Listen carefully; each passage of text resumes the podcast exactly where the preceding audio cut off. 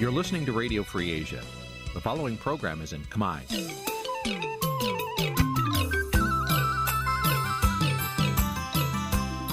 Nǐ chi càm bi tiệp xáy vệt chiu a zì sê ray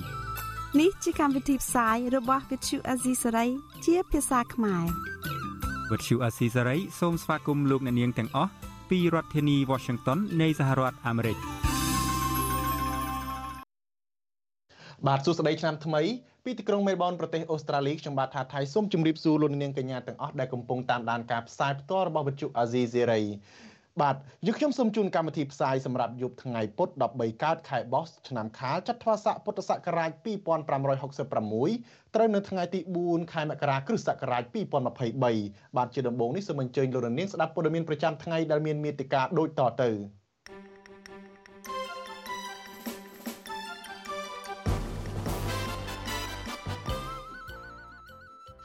ណៈបកប្រឆាំងចង់ឃើញការរួបរวมជាតិក្នុងឆ្នាំថ្មីតែគណៈបកកណ្ដាលអំណាចបដិញ្ញាបន្តកំចាត់ក្រុមជ្រុលនិយមគណៈបកប្រឆាំងរិះគន់អាញាធរឃុំថាយកសាលាឃុំលើកបដាឃោសនាឲ្យគណៈបកកណ្ដាលអំណាចអាញាធរខ្មែរចាប់ផ្ដើមវិកំទេចកាស៊ីណូនៅក្រុងប៉ោយប៉ែតដែលបានឆាប់ឆេះនោះ តំបន់ស្នូលព្រៃឡង់បន្តទទួលរងការកាប់យកឈើមានតម្លៃកក្រិកកក្រែងរួមនឹងព័ត៌មានសំខាន់សំខាន់មួយចំនួនទៀត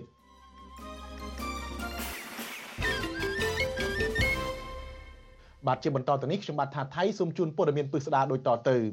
បាទលោកនាងជាទីមេត្រីយើងផ្ដើមព័ត៌មានដោយតកតងនឹងរឿងកោជបបានប្រកាសថានឹងមានកិច្ចប្រជុំជាមួយនឹងភាគីពាក់ព័ន្ធ នឹងការបោះឆ្នោតដើម្បីបិទផ្សាយបញ្ជីឈ្មោះបោះឆ្នោតដំបូងនិងលុបចេញ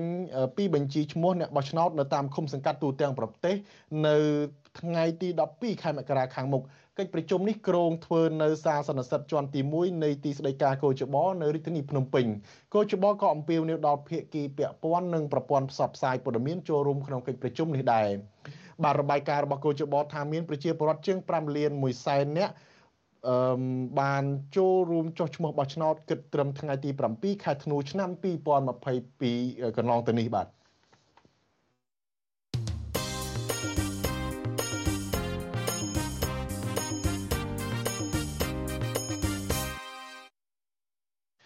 បាទលោកនាងជាទីមេត្រីតកតងនឹងរឿងរ៉ាវរបស់អ្នកនយោបាយនៅក្នុងឆ្នាំថ្មីនេះគឺ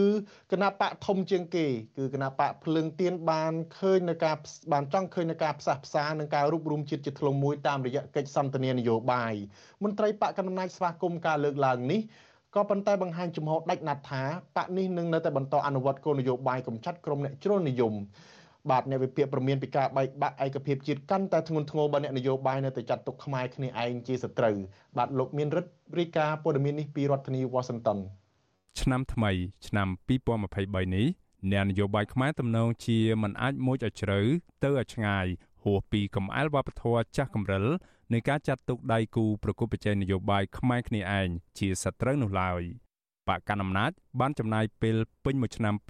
2022 ដាក់ចេញនូវយុទ្ធសាស្ត្រតាមគំនិតក្រុមអ្នកប្រឆាំងដែលមាននានាការផ្ទុយនឹងខ្លួនដល់ទីបញ្ចប់អនុប្រធានគណៈបកភ្លើងទៀនលោកថាច់សេថាប្រាវិសុវស៊ីស្រីថាសម្រាប់ឆ្នាំថ្មីគឺឆ្នាំ2023នេះអ្វីដែលគណៈបកភ្លើងទៀនចង់ឃើញបំផុតនោះគឺសង្គមកម្ពុជាមួយដែលអ្នកនយោបាយខ្មែរចេះធ្វើការរួមគ្នាជាធ្លុងមួយដែលងាកមកផ្សះផ្សាជាតិនិងរួបរวมជាតិឡើងវិញ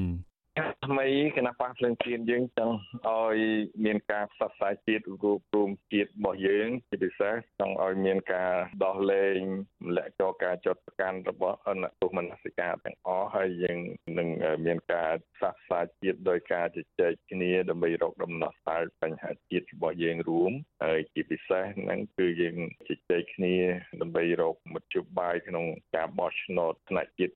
2023ខាងមុខនេះនឹងឲ្យបានប្រព្រឹត្តទៅដោយសេរីយុត្តិធម៌និងដោយចង់ឲ្យទទួលបានសាទរទាំងសហគមន៍ជាតិនិងអន្តរជាតិឆ្លើយតបទៅនឹងការលើកឡើងនេះមន្ត្រីបកកណ្ដាលអំណាចថាគណៈបព្វជិជនកម្ពុជា ស្វាគមន៍គ្រប់កម្លាំងនយោបាយទាំងអស់នៅក្នុងការប្រកួតប្រជែងការបោះឆ្នោតស្របតាមគោលការណ៍ច្បាប់ទោះយ៉ាងណាអ្នកនាំពាក្យគណៈបព្វជិជនកម្ពុជា លោកសុកអេសាន បញ្ជាក់ចំហថាគណៈបកកណ្ដាលអំណាច នឹងមិនលើកលែងឲ្យក្រុមអ្នកប្រឆាំងទាំងឡាយណាដែលលោកហៅថាជាក្រុមជ្រុលនិយមនោះឡើយយើងមានជាអៀទាំងមកអីក៏ប៉ុន្តែចំពោះក្រមជ្រុលនិយមអានឹងយើងមិនអាចសន្តិភាពនិយមជាមួយពួកនឹងបានទេគ្រប់គណៈបកនយោបាយមានយើងចាត់ទុកថាជាខ្វាំងសត្រូវណាអត់ទេយើងចាត់ទុកជាដៃគូប្រកួតប្រជែងបាទក្នុងការបោះឆ្នោតក៏ដូចជាដណ្ដើមអំណាចនៅក្នុងការដឹកនាំប្រទេស ក៏ប៉ុន្តែដោយជំរាបខាងដើមហើយប្រមុខរដ្ឋាភិបាលក៏ដូចជាប្រមុខគណៈបកប្រជាជនបានប្រកាសជាចំហឲ្យអត់មានលាក់លៀមទេ ថាអត់មានសន្តិភាពជាមួយនឹងក្រមជ្រុលនិយមទេបាទដូច្នេះក្រមជ្រុលនិយមអត់មានចរចាអត់មានសម្របសម្រួលអីជាមួយក្រមនឹងទេបាទ កិនមកទល់ពេលនេះគណៈបកកណ្ដាលអំណាចបានអនុវត្តយុទ្ធនាការគាស់រំលើងប្រជាធិបតេយ្យអស់រយៈពេលជាង5ឆ្នាំហើយចាប់តាំងពីតុលាការកំពូលរំលាយគណៈបកសង្គ្រោះជាតិកាលពីចុងឆ្នាំ2017មកយុទ្ធនាការនេះត្រូវបានក្រុមអ្នកតាមដានសង្គមនិងនយោបាយកម្ពុជា មើលឃើញថាធ្វើឡើងដើម្បីធានាជ័យជំនះទុកជាមុនសម្រាប់គណៈបកកណ្ដាលអំណាច យុទ្ធនាការនេះទំនងជាបន្តទៅទៀតនៅក្នុងឆ្នាំ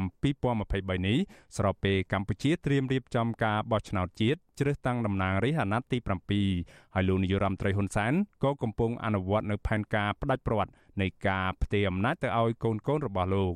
ជាទូទៅនៅរៀងរាល់ពេលដល់រដូវកាលបោះឆ្នោតម្ដងម្ដងលោកហ៊ុនសែនតែងគម្រាមថាកម្ពុជានឹងផ្ទុះសង្គ្រាមបើគណៈបកប្រជាជនកម្ពុជារបស់លោកចាញ់ឆ្នោត ជាក់ស្ដែងនៅពេលដែលគណៈបករបស់លោកចាញ់ឆ្នោត កាលពីការបោះឆ្នោតជាតិឆ្នាំ1993ដែលរៀបចំឡើងដោយអង្គការសហប្រជាជាតិលោកហ៊ុនសែនបានគម្រាមពុះជ្រៀកទឹកដីកម្ពុជាជាពីរជំរាកដោយលោកនឹងក្រសោបយកទឹកដីនៅភូមិខាងកើតនៃទន្លេមេគង្គ ក្រោយមកទៀតលោកក៏បានប្រើកម្លាំងទ័ពធ្វើរដ្ឋប្រហារបង្ហូរឈាម នៅខែកក្កដាឆ្នាំ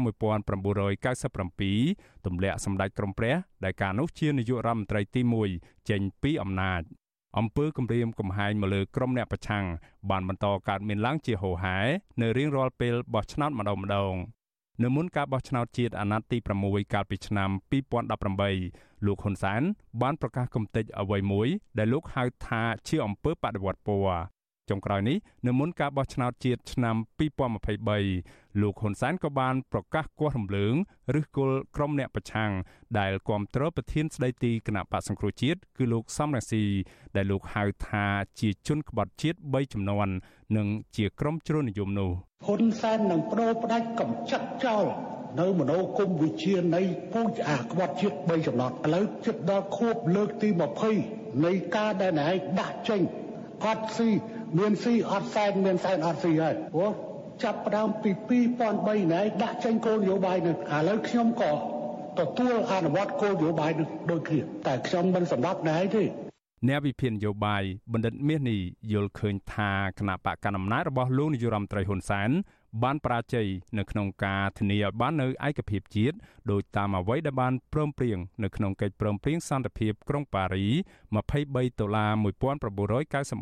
1991 លោកប្រមានថាការបង្កើនការបង្ក្រាបរបស់គណៈបកកណ្ដាលអំណាចមកលើក្រមពលរដ្ឋដែលមានទស្សនៈផ្ទុយឬក្រមអ្នកប្រឆាំងនឹងคล้ายជាគ្រោះសម្រាប់គណៈបកកណ្ដាលអំណាចទៅវិញទេការប្រកាសនៅក្នុងឆ្នាំ2022របស់ប្រមុខរដ្ឋាភិបាលទៅលើការព្យាយាមកំទេចឲ្យអស់ពីលើដល់ក្រោមនោះខ្ញុំគិតថាវានឹងអាចនាំមកនៅគ្រោះ សម្រាប់គណៈបកកណ្ដាលអំណាចនឹងជាជាងការនាំមកនៅផលចំណេញប្រសិនបើការបង្ក្រាបឬការគម្រាមទាំងនោះនៅតែបន្តរហូតដល់ឆ្នាំ2023 អញ្ចឹងប្រសិនបើការគម្រាមនៅតែមានបន្តទៅទៀតនោះវានឹងអាចធ្វើឲ្យគណៈបកកម្មាគាត់មានការពិបាកនៅក្នុងការស្ដារនៅប្រជាប្រិយភាពឡើងវិញហើយកាលណាគាត់មិនបានទទួលនៅទំនុកចិត្តទទួលបាននៅការគ្រប់គ្រងពីប្រជាពលរដ្ឋវិញទេនោះគឺខ្ញុំមានជំនឿថាតាមរយៈប្រព័ន្ធចារកម្មរបស់រដ្ឋហ្នឹងគឺវានឹងអាចមានការបង្ក្រាបបន្តទៀតដូច្នេះការកណាការបង្ក្រាបកាន់តែច្រើន ការលំបាកនៅក្នុងការទៀមទាក្នុងការទិញយកឬក៏ទាញយកបេះដូងរបស់ពលរដ្ឋកម្ពុជានឹងរៀបចំការបោះឆ្នោតជ្រើសតាំងតំណាងរាស្ត្រអាណត្តិទី7នៅថ្ងៃអាទិត្យទី23ខែកក្កដាឆ្នាំ2023ការបោះឆ្នោតនេះនឹងក្លាយជាវិញ្ញាសាកាត់ក្តីមួយទៅលើយុទ្ធនាការបង្ក្រាបជាប្រព័ន្ធរបស់គណៈបកប្រជាជនកម្ពុជាចាប់តាំងពីក្រោយការបោះឆ្នោតជាតិដ៏ចម្រូងចម្រាសកាលពីឆ្នាំ2018កន្លងទៅគណៈកម្មាធិការជាតិរៀបចំការបោះឆ្នោតហៅកាត់ថាកោចបោ នៅតែរងការរិះគន់ពីសហគមន៍ជាតិនិងអន្តរជាតិថាជាស្ថាប័នពុំឯករាជ្យមិនអព្យាក្រឹតនិងមាននានាការគ្រប់គ្រងគណៈបកកណ្ដាលអំណាចខគណៈក្បាលម៉ាស៊ីនថ្នាក់ដឹកនាំនិងមន្ត្រីជាន់ខ្ពស់នៃស្ថាប័នជាតិមួយនេះភ ieck ច្រើនសិតសឹងតែត្រូវបានតែងតាំងនិងជាមនុស្សចំណិតរបស់គណៈបកប្រជាជនកម្ពុជាខ្ញុំបាទមេរិត Visual C ស្រីរាយការណ៍ពីរដ្ឋធានី Washington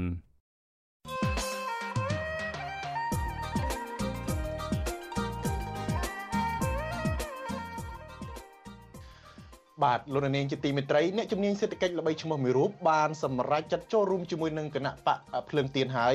លោកបណ្ឌិតសុកហាជដែលជាប្រធានក្រុមហ៊ុននាំចេញអង្គរ Golden Rai អះអាងថាលោកសម្រាប់ចាត់ចូលធ្វើនយោបាយជាមួយនឹងគណៈបកភ្លើងទៀននៅពេលនេះដោយសារលោកសម្លឹងឃើញថាគណៈបកនេះជាគណៈបកដែលអាចនឹងទទួលបានជ័យជំនះលើការបោះឆ្នោតនិងដឹកនាំប្រទេសនៅពេលខាងមុខសូមអញ្ជើញលោកនាងរងចាំស្ដាប់នឹងទេសនាបទសម្ភាសផ្ទាល់ជាមួយនឹងលោកសុកហាជទាក់ទងនឹងកត្តាសំខាន់សំខាន់មួយចំនួនរបស់លោកនៅក្នុងការសម្រេចចិត្តចូលរួមជាមួយនឹងគណៈបកភ្លើងទៀន បាទលោកជុនច័ន្ទបុតនឹងសម្រាប់សម្រួលកិច្ចពិភាក្សានេះក្នុងនេតិវេទិកាអ្នកស្ដាប់វិទ្យុអាស៊ីសេរីសម្រាប់យប់ថ្ងៃសុក្រទី6មករាលោកនាងអាចសួរវាគ្មិនរបស់យើងឬបញ្ចេញមតិយោបល់សូមដាក់លេខទូរស័ព្ទរបស់លោកនាងនៅក្នុងខ្ទង់ comment Facebook ឬ YouTube វិទ្យុអាស៊ីសេរីក្រុមការងាររបស់យើងនឹងហៅទៅលោកនាងវិញសូមអរគុណ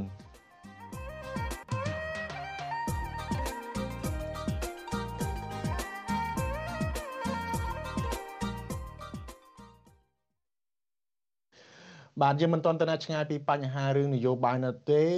លោកលោកអឺសកម្មជនគណៈបកប្រឆាំងរិះគន់អាញាធរឃុំចំនួន3នៅក្នុងខេត្តកំពង់ឆ្នាំងថាលើកបដាគណៈបកកណ្ដាលអំណាចដោយដាក់រូបលោកនាយករដ្ឋមន្ត្រីហ៊ុនសែនប្រធានរដ្ឋសភាលោកហេងសំរិននៅក្នុងសាលាឃុំចំនួន3គឺសាលាឃុំមេលុំឃុំពេជ្រចង្វានិងឃុំពពែលស្រុកបរិបូរខេត្តកំពង់ឆ្នាំង សកម្មជនបកភ្លើងទៀនស្នើឲ្យក្រសួងមហាផ្ទៃចាត់វិធានការលើករណីនេះជំទប់ទី2គណៈបកភ្លើងទៀនឃុំពពែលលោកជាបសរុនប្រាប់វិទ្យុអាស៊ីសេរីថាអាញាធរគណៈបកកណ្ដាលអំណាចបានលើកបដានៅឃុំទាំង3នេះធ្វើឡើងកាលពីថ្ងៃទី3មករាលោកបន្ថែមថាការដែលអាជ្ញាធរលើកបដាបែបនេះវាជារូបភាពអាក្រក់នៅបង្ហាញពីការគំរាមកំហែងបំបាក់ស្មារតីដល់គណៈបកដទៃទៀត ហើយបើមេឃុំម្នាក់ម្នាក់ភៀកច្រើន ជាមេឃុំគណៈបកជាជនហើយហើយចាំបាច់យកស្លាកមកដាក់នៅសាលាឃុំធ្វើអ្វីទៀតឬក៏ខ្លាចពលរដ្ឋនឹងភ្លេចឬក៏គិតថាឃុំទាំងអស់ប្រទេសទាំងមូលនឹងជារបស់គណៈបាទអាញាធរទាំង3របស់គណៈបកកណ្ដាលអំណាចបានព្យួរបដាមានដាក់ ថ្ងៃ7មករាមានរូបលោកហ៊ុនសែនរូបលោកហេងសំរិននៅក្រោមស្លាកសាលាឃុំខាងមុខផ្លូវចូលសាលាឃុំតែម្ដង ទាក់ទងនឹងបញ្ហានេះមេឃុំមេលុំមកពីគណៈបកកណ្ដាលអំណាចលោកកេតសុខាមានប្រសាសន៍ថាការលើកផ្លាក7មករាមានរូបលោកហ៊ុនសែននិងរូបលោកហេងសំរិនមិនមែនជារឿងខុសច្បាប់នោះទេព្រោះថ្ងៃ7មករារដ្ឋាភិបាលបានដាក់ជាថ្ងៃបុណ្យជាតិហើយមាននៅក្នុងប្រតិទិនថ្ងៃឈប់សម្រាកលោកបន្តទៀតថាមកពីអ្នករិះគន់នៅតែមិនទាន់យល់ថាថ្ងៃ7មករាមិនមែនជាបុណ្យបកនោះទេ គឺជាទិវាជាតិគ្រាន់តែភ្ជាប់រវាងទង់ជាតិនិងទង់បកតែប៉ុណ្ណោះ ទោះជាយ៉ាងណាប័ណ្ណបញ្ជានិងនីតិវិធីរបស់គណៈកម្មាធិការជាតិរៀបចំការបោះឆ្នោតសម្រាប់ការបោះឆ្នោតជ្រើសតាំងតំណាងរាស្ត្រនីតិកាលទី7ឆ្នាំ2023ត្រង់ចំពុកទី7ចែងថាគោលការណ៍នៃការឃោសនាបោះឆ្នោតស្លាកគណៈបកនយោបាយនិងសម្ភារៈឃោសនានយោបាយសម្រាប់គណៈបកមិនត្រូវអនុញ្ញាតឲ្យលើកឬបិទនៅបរិវេណឬលើអាគារឬក្នុងការិយាល័យរបស់រដ្ឋឡើយ។ ជំវិញបញ្ហានេះមន្ត្រីជាន់ខ្ពស់ផ្នែកអង្គការនឹងតស៊ូមតិនៃអង្គការ Conference លោកកនសវាងមានប្រសាសន៍ថាសាលាឃុំមិនមែនជារបស់ផ្ដាច់មុខរបស់បកណាមួយនោះទេគឺជាកន្លែងសាធារណៈរបស់រដ្ឋសម្រាប់ប្រជាពលរដ្ឋនៅក្នុងមូលដ្ឋានពឹងពាក់ដូច្នេះมันអាចបំរើឲ្យបកណាមួយបាននោះទេលោកបន្តថាការយករូបភាពរបស់គណៈបកណាមួយទៅដាក់នៅសាលាឃុំបែបនោះគឺជាការខុសឆ្គងមួយព្រោះបង្ហាញពីការប្រើប្រាស់ថវិការដ្ឋក្នុងការឃោសនាឲ្យគណៈបកនោះ ហើយក្រសួងមហាផ្ទៃគូពិនិត្យនិងមានវិធានការទៅលើករណីនេះ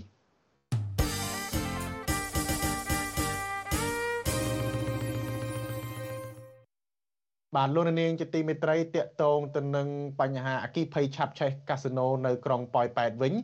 បើទោះបីជាក្រុមគ្រួសារសាច់ញាតិនៅបាត់បង់សមាជិករកមិនទាន់ឃើញហើយក៏ដំបងឡើយដែលអាជ្ញាធរថាកាស៊ីណូក្រុងប៉ោយប៉ែតនេះ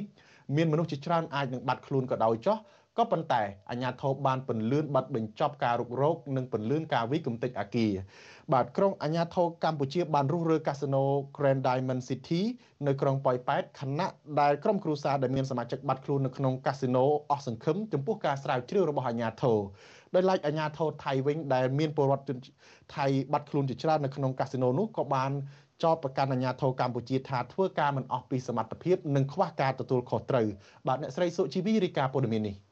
អាញាធរកម្ពុជាកំពុងរុះរើអាគារកាស៊ីណូ Grand Diamond City ដែលត្រូវភ្លើងឆេះកាលពីយប់ថ្ងៃទី28ខែធ្នូឆ្នាំ2022និងស្នើសុំអ្នកជំនាញមកពីខាងភៀកគីថៃដើម្បីវិយតម្លៃពីស្ថានភាពអាគារនេះក្នុងបំណងយកទីតាំងទៅសាងសង់អាគារថ្មីអ្នកនាំពាក្យរដ្ឋបាលខេត្តបន្ទាយមានជ័យលោកសេសខុមប្រាប់វិទ្យុអាស៊ីសេរីនៅថ្ងៃទី4ខែមករាថាអញ្ញាធិបបានចាប់ផ្ដើមរុះរើអាគារទាំង3ខ្នងនោះ តាំងពីថ្ងៃទី2ខែមករាមកលោកអះអាងថាក្រុមការងារបានរកឃើញទូដែកផ្ទុកលុយចំនួន7ទូតែរកមិនឃើញអ្នករបួសឬសពអ្នករងគ្រោះបន្ថែមទៀតឡើយអឺកន្លែងហ្នឹងគេពាត់ចេះអូនគេពាត់ដោយការដ្ឋានគេពាត់បិទឲ្យចិត្តទៅហើយគណៈកម្មការបច្ចេកទេសគឺស្វកគេនៅហ្នឹងហើយយកគេយកអាព្រឿងចាក់ទៅទីផ្ដួលវាយណាអគិភ័យនៅកាស៊ីណូ Grand Diamond City កើតឡើងកាលពីយប់ថ្ងៃទី28ខែធ្នូ បានបំផ្លាញអាគារចំនួន3ខ្នងគឺអាគារក្រុមហ៊ុន Grand Diamond City ចំនួន2និងផ្នែកខ្លះនៃអាគារ Casino Poi Pet City មកដល់ពេលនេះសាច់ញាតិអះអាងថាមានអ្នកធ្វើការនៅអាគារទាំងនេះចំនួន12នាក់បាត់ខ្លួនក្នុងនោះមានពលរដ្ឋខ្មែរ3នាក់និងពលរដ្ឋថៃ9នាក់ពលរដ្ឋម្នាក់លោកខឹមវងឲ្យដឹងថាលោកកំពុងស្វែងរកប្រពន្ធរបស់លោកគឺលោកស្រីសំស្រីមុំដែលបាត់ខ្លួនតាំងពីថ្ងៃកើតហេតុ លោកអស់សង្ឃឹមនិងអាញាធរក្នុងការស្វែងរកសពប្រពន្ធរបស់លោក បន្ទាប់ពីលោកដឹងថាអាញាធររកឃើញតែទូដាក់លុយជំនួសឲ្យមនុស្សដែលបាត់ខ្លួនអត់បងស្ងាត់ខ្ញុំទៅសួរគេមិនដងដែរនៅគេថាចាំមើលថាលើគេចំមើលនឹងនិយាយមិនទេបងបើអញ្ចឹងបាទគេអត់ចិត្តឲ្យជីវិតមនុស្សហ្មងតែលុយលុយរហូតហ្នឹងកម្លាំងសមត្ថកិច្ចកម្ពុជានិងថៃបានសម្រេចបិទបញ្ចប់ប្រតិបត្តិការរយៈពេល2ថ្ងៃរករកជនរងគ្រោះកាលពីថ្ងៃទី30ខែធ្នូ ដែលបានរកឃើញអ្នកស្លាប់សរុបចំនួន26នាក់ក្នុងនោះមានសពជនរងគ្រោះ25នាក់បានរកឃើញនៅកន្លែងកើតហេតុនិងម្នាក់ទៀតស្លាប់នៅក្រៅពេលបញ្ជូនទៅព្យាបាលនៅប្រទេសថៃជនរងគ្រោះទាំងនោះរួមមានជនជាតិថៃម៉ាឡេស៊ីនេប៉ាល់ចិននិង6នាក់ទៀតនៅមិនទាន់ដឹងអត្តសញ្ញាណនៅឡើយកាលពីដំបូងអាជ្ញាធរអះអាងថាអ្នកស្លាប់ទាំង26នាក់នោះគ្មានពលរដ្ឋខ្មែរឡើយប៉ុន្តែក្រោយមកអាជ្ញាធរលើកឡើងថា សពជនរងគ្រោះទាំង6នាក់ដែលមិនទាន់ដឹងអត្តសញ្ញាណនោះមាន3នាក់អាចជាជនជាតិខ្មែរដែលគ្រួសាររបស់ពួកគេកំពុងស្វះស្វែងរកជុំវិញបញ្ហានេះអភិបាលរងស្រុកអារ៉ាញ់លោកថាវត្តឆៃប៊ុនសេងប្រាប់វិទ្យុអាស៊ីសេរីថាអាញាធរកម្ពុជា គួរតែមានការទទួលខុសត្រូវល្អជាងនេះដើម្បីស្វែងរកសពជនរងគ្រោះដែលបាត់ខ្លួន លោកថាករណីនេះធ្វើឲ្យគ្រួសារជនរងគ្រោះកាន់តែឈឺចាប់បន្ថែមទៀតពីការបាត់បង់សាច់ញាតិហើយ តែរោគធាតមកធ្វើបន់គ្មានទោះជាយ៉ាងណាលោកបញ្ជាក់ថាភៀកគីថៃគ្រប់អធិបតេយ្យភាពនិងការសម្រេចចិត្តរបស់អាជ្ញាធរកម្ពុជាถ้ามันไม่เจอจริงๆก็ต้องแจ้งប្រសិនបើរងមិនឃើញសាកសពទេខាងភៀកគីថៃមានតែកំណត់ថាជនរងគ្រោះទាំងនោះបាត់ខ្លួនវាជាទួលនីតិអាជ្ញាធរកម្ពុជាដែលត្រូវទទួលខុសត្រូវក្នុងការស្វែងរកអ្នកបាត់ខ្លួនឬសពដែលបាត់ហើយថែរក្សាសពនិងវត្ថុតាងដែលរកឃើញ ខាងភៀកគីកម្ពុជានឹងដោះស្រាយបែបណាក៏ជាច្បាប់របស់កម្ពុជា ចំពោះភៀកគីថៃមានតែបន្តរងចាំប៉ុណ្ណោះយើងមិនអាចឆ្លងទៅរកដោយខ្លួនឯងបានទេព្រោះជាទឹកដីកម្ពុជាបើអាញាធរកម្ពុជាប្រាប់ថាបញ្ចប់ការរុករកគឺមានតែឈប់ថាបកថាយុតិគឺយុតិតែទោះជាយ៉ាងណាក្រុមអ្នករុករកខាងភៀកគីថៃក៏ធ្លាប់ចោទប្រកាន់អាញាធរកម្ពុជាដែរតាក់ទងនឹងការបិទបាំងព័ត៌មាន និងបកស្រាយខុសពីការពិតដ រឿងការបិទបញ្ចប់ការរករកជនរងគ្រោះប្រធានសមាគមការពារសិទ្ធិមនុស្សអាត6លោកនីសុខាយល់ឃើញថាអញ្ញាធរគួរតែបន្តស៊ើបអង្កេតនិងស្រាវជ្រាវករណីអគិភ័យមួយនេះឲ្យល្អិតល្អន់ដើម្បីស្វែងរកអ្នកទទួលខុសត្រូវពិសេសអ្នកដែលបាត់ខ្លួននៅក្នុងហេតុការណ៍នោះលោកបន្តថាការបន្តការស្រាវជ្រាវការរុករកគឺជាការបង្ហាញឲ្យឃើញពីការទទួលខុសត្រូវរបស់អាជ្ញាធរកម្ពុជា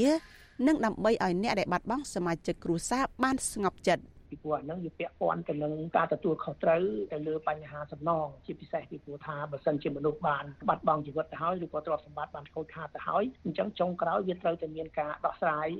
មានអ្នកទទួលខុសត្រូវគឺពាក់ព័ន្ធទៅនឹងបញ្ហាសំណងមហាជនទូទៅនិងពលរដ្ឋដែលបាត់បង់សមាជិកគ្រួសាររួមទាំងភៀកគីអាញាធរនៃប្រទេសថៃបង្ហាញភាពអស់សង្ឃឹមទៅលើអាញាធរកម្ពុជាដែលសម្រេចចិត្តបិទការស៊ើបអង្កេតត្រឹមរយៈពេល2ថ្ងៃពួកគាត់លើកឡើងថា អាញាធរកម្ពុជាខ្វល់ខ្វាយតែពីផលប្រយោជន៍របស់ថៃកែក្រុមហ៊ុនមិនបានយកចិត្តទុកដាក់បន្តការរករកអ្នកដែលបាត់ខ្លួនដែលបានបន្សល់ភាពសោកសៅនិងមិនអស់ចិត្តសម្រាប់ប្រជាជនទាំងក្នុងនិងក្រៅប្រទេសនាងខ្ញុំសុជីវីវិទ្យុអាស៊ីសេរីពីរដ្ឋធានី Washington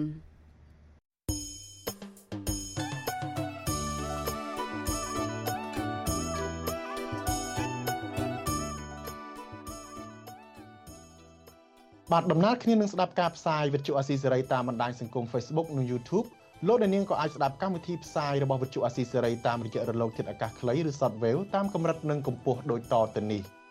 ពេលព្រឹកចាប់ពីម៉ោង5កន្លះដល់ម៉ោង6កន្លះតាមរយៈប៉ុស SW 9.39 MHz ស្មើនឹងកម្ពស់ 32m និងប៉ុស SW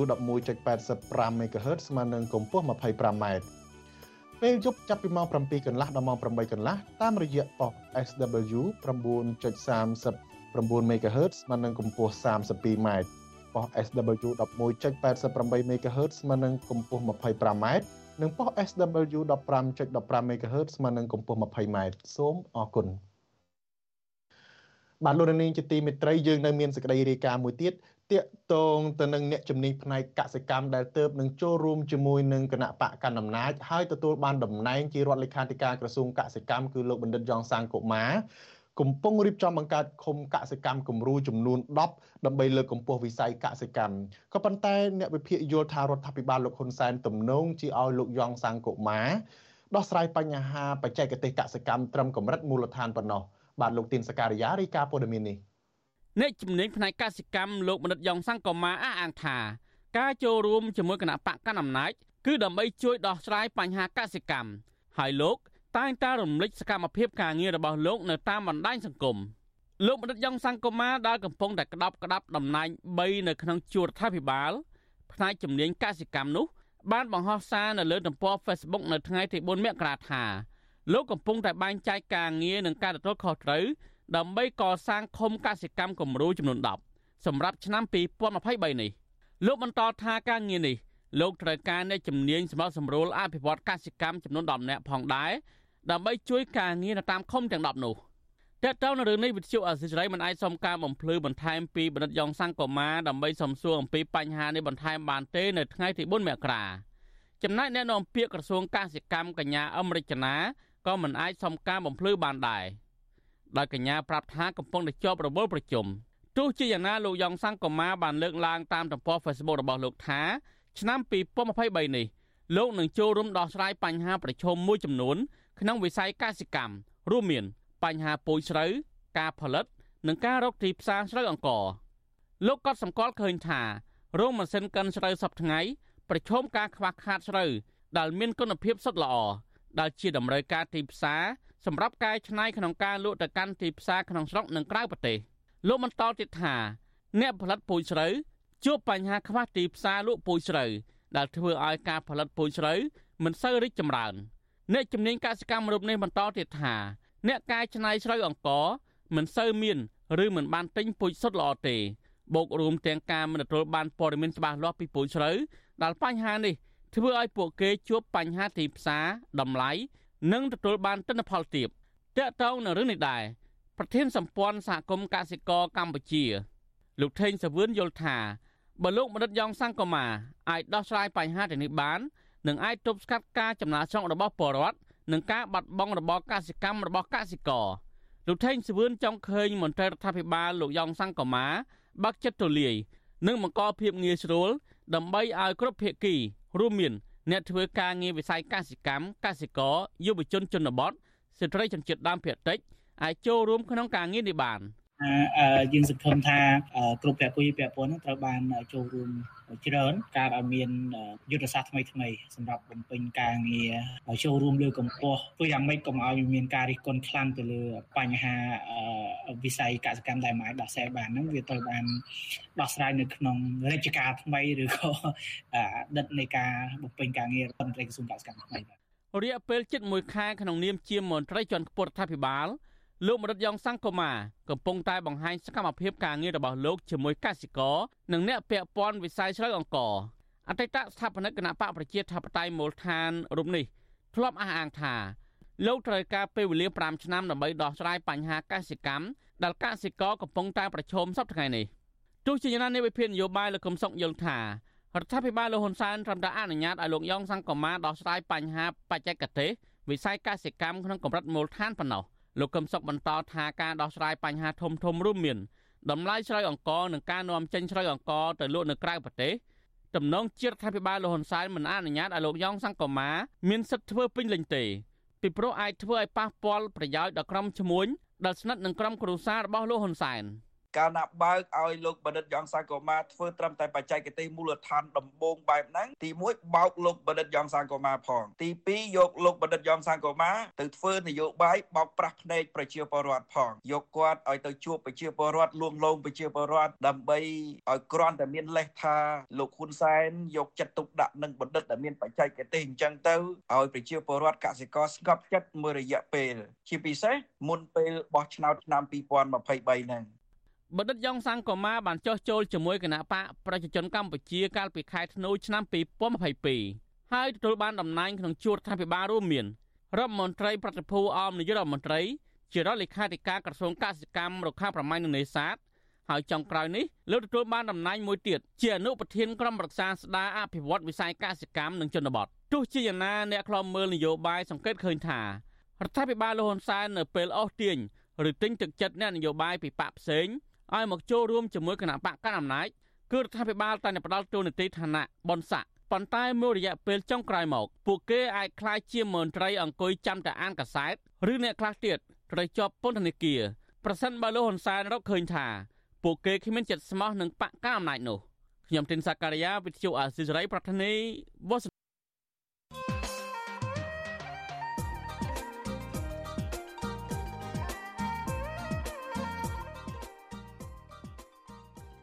បាទលោកនាងជាទីមេត្រីស្របពេលដែលបណ្ឌិតយ៉ងសាំងកូម៉ារួមនឹងបញ្ញវន្តមួយចំនួនទៀតហក់ចូលនយោបាយជាមួយនឹងគណៈបកកណ្ដាលអំណាចដោយទទួលបានឋានៈទូនាទីជាបន្តបន្ទាប់នោះបច្ចថ្មីថ្មីនេះក៏មានការចាប់អារម្មណ៍តាក់ទងទៅនឹងអ្នកជំនាញសេដ្ឋកិច្ចល្បីឈ្មោះមួយរូបបែរជាសម្រាប់ចិត្តចូលរួមជាមួយនឹងគណៈបកភ្លើងទៀនដែលមានការគម្រាមកំហែងមិនចេះចប់មិនចេះហើយពីលោកនាយករដ្ឋមន្ត្រីហ៊ុនសែនទៅវិញលោកបណ្ឌិតសុកហាជដែលជាប្រធានក្រុមហ៊ុននាំចេញអង្គរ Golden Rai អះអាងថាលោកបានសម្រេចចិត្តចូលធ្វើនយោបាយជាមួយនឹងគណៈបកភ្លើងទៀននៅពេលនេះដោយលោកសម្លឹងឃើញថាគណៈបកភ្លើងទៀនជាគណៈបកដែលអាចទទួលជ័យជំនះលើការបោះឆ្នោតនិងដឹកនាំប្រទេសនៅថ្ងៃខាងមុខបាទសូមអញ្ជើញលោកនាងរងចាំស្ដាប់នឹងទេសនាបទសម្ភាសផ្ទាល់ជាមួយនឹងលោកបណ្ឌិតសុខហាយទាក់ទងនឹងកត្តាសំខាន់សំខាន់មួយចំនួនរបស់លោកនៅក្នុងការសម្រេចចិត្តចូលរួមជាមួយនឹងគណៈបកភ្លើងទៀន បាទលោកជំចិនវត្តក៏នឹងជាអ្នកសម្របសម្រួលកិច្ចពិភាក្សានេះនៅក្នុងវេទិកាអ្នកស្ដាប់វិទ្យុអាស៊ីសេរីសម្រាប់រាត្រីថ្ងៃសុក្រទី6មករា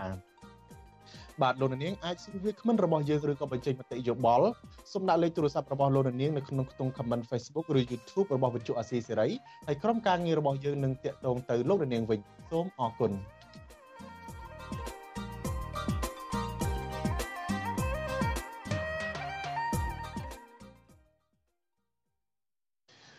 បាទលោកនាងជាទីមេត្រីតកតងទៅនឹងរឿងរ៉ាវកសិកម្មនេះដែរកសិករចិញ្ចឹមជ្រូកនៅខេត្តមួយចំនួនសុំច្បាប់សម្រុកកាប់ជ្រូកលក់ដោយខ្លួនឯងជាបន្តបន្ទាប់ដោយសារតែតម្លៃជ្រូករស់នៅលើទីផ្សារកំពុងធ្លាក់ថ្លៃ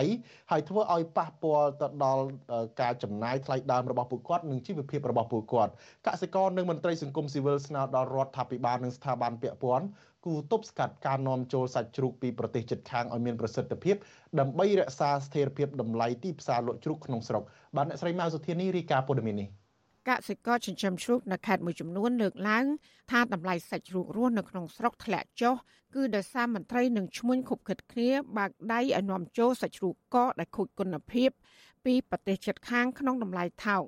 បញ្ហានេះហើយដែលធ្វើកសិករចិញ្ចឹមជ្រូកក្នុងស្រុកគ្មានទីផ្សារលក់នៅក្នុងតម្លៃសមរម្យហើយបង្ខំចិត្តលក់ទាំងបង្ខាតកសិករចិញ្ចឹមជ្រូកនៅខេត្តបៃលិនលោកស្រីអ៊ុតសុខឿនប្រាប់បច្ចុប្បន្នស៊ីស្រីនៅថ្ងៃទី3ខែមករាថាលោកស្រីចិញ្ចឹមជ្រូកកន្លងមកជិត100ក្បាលហើយកំពុងតែខាតបង់ខ្លាំង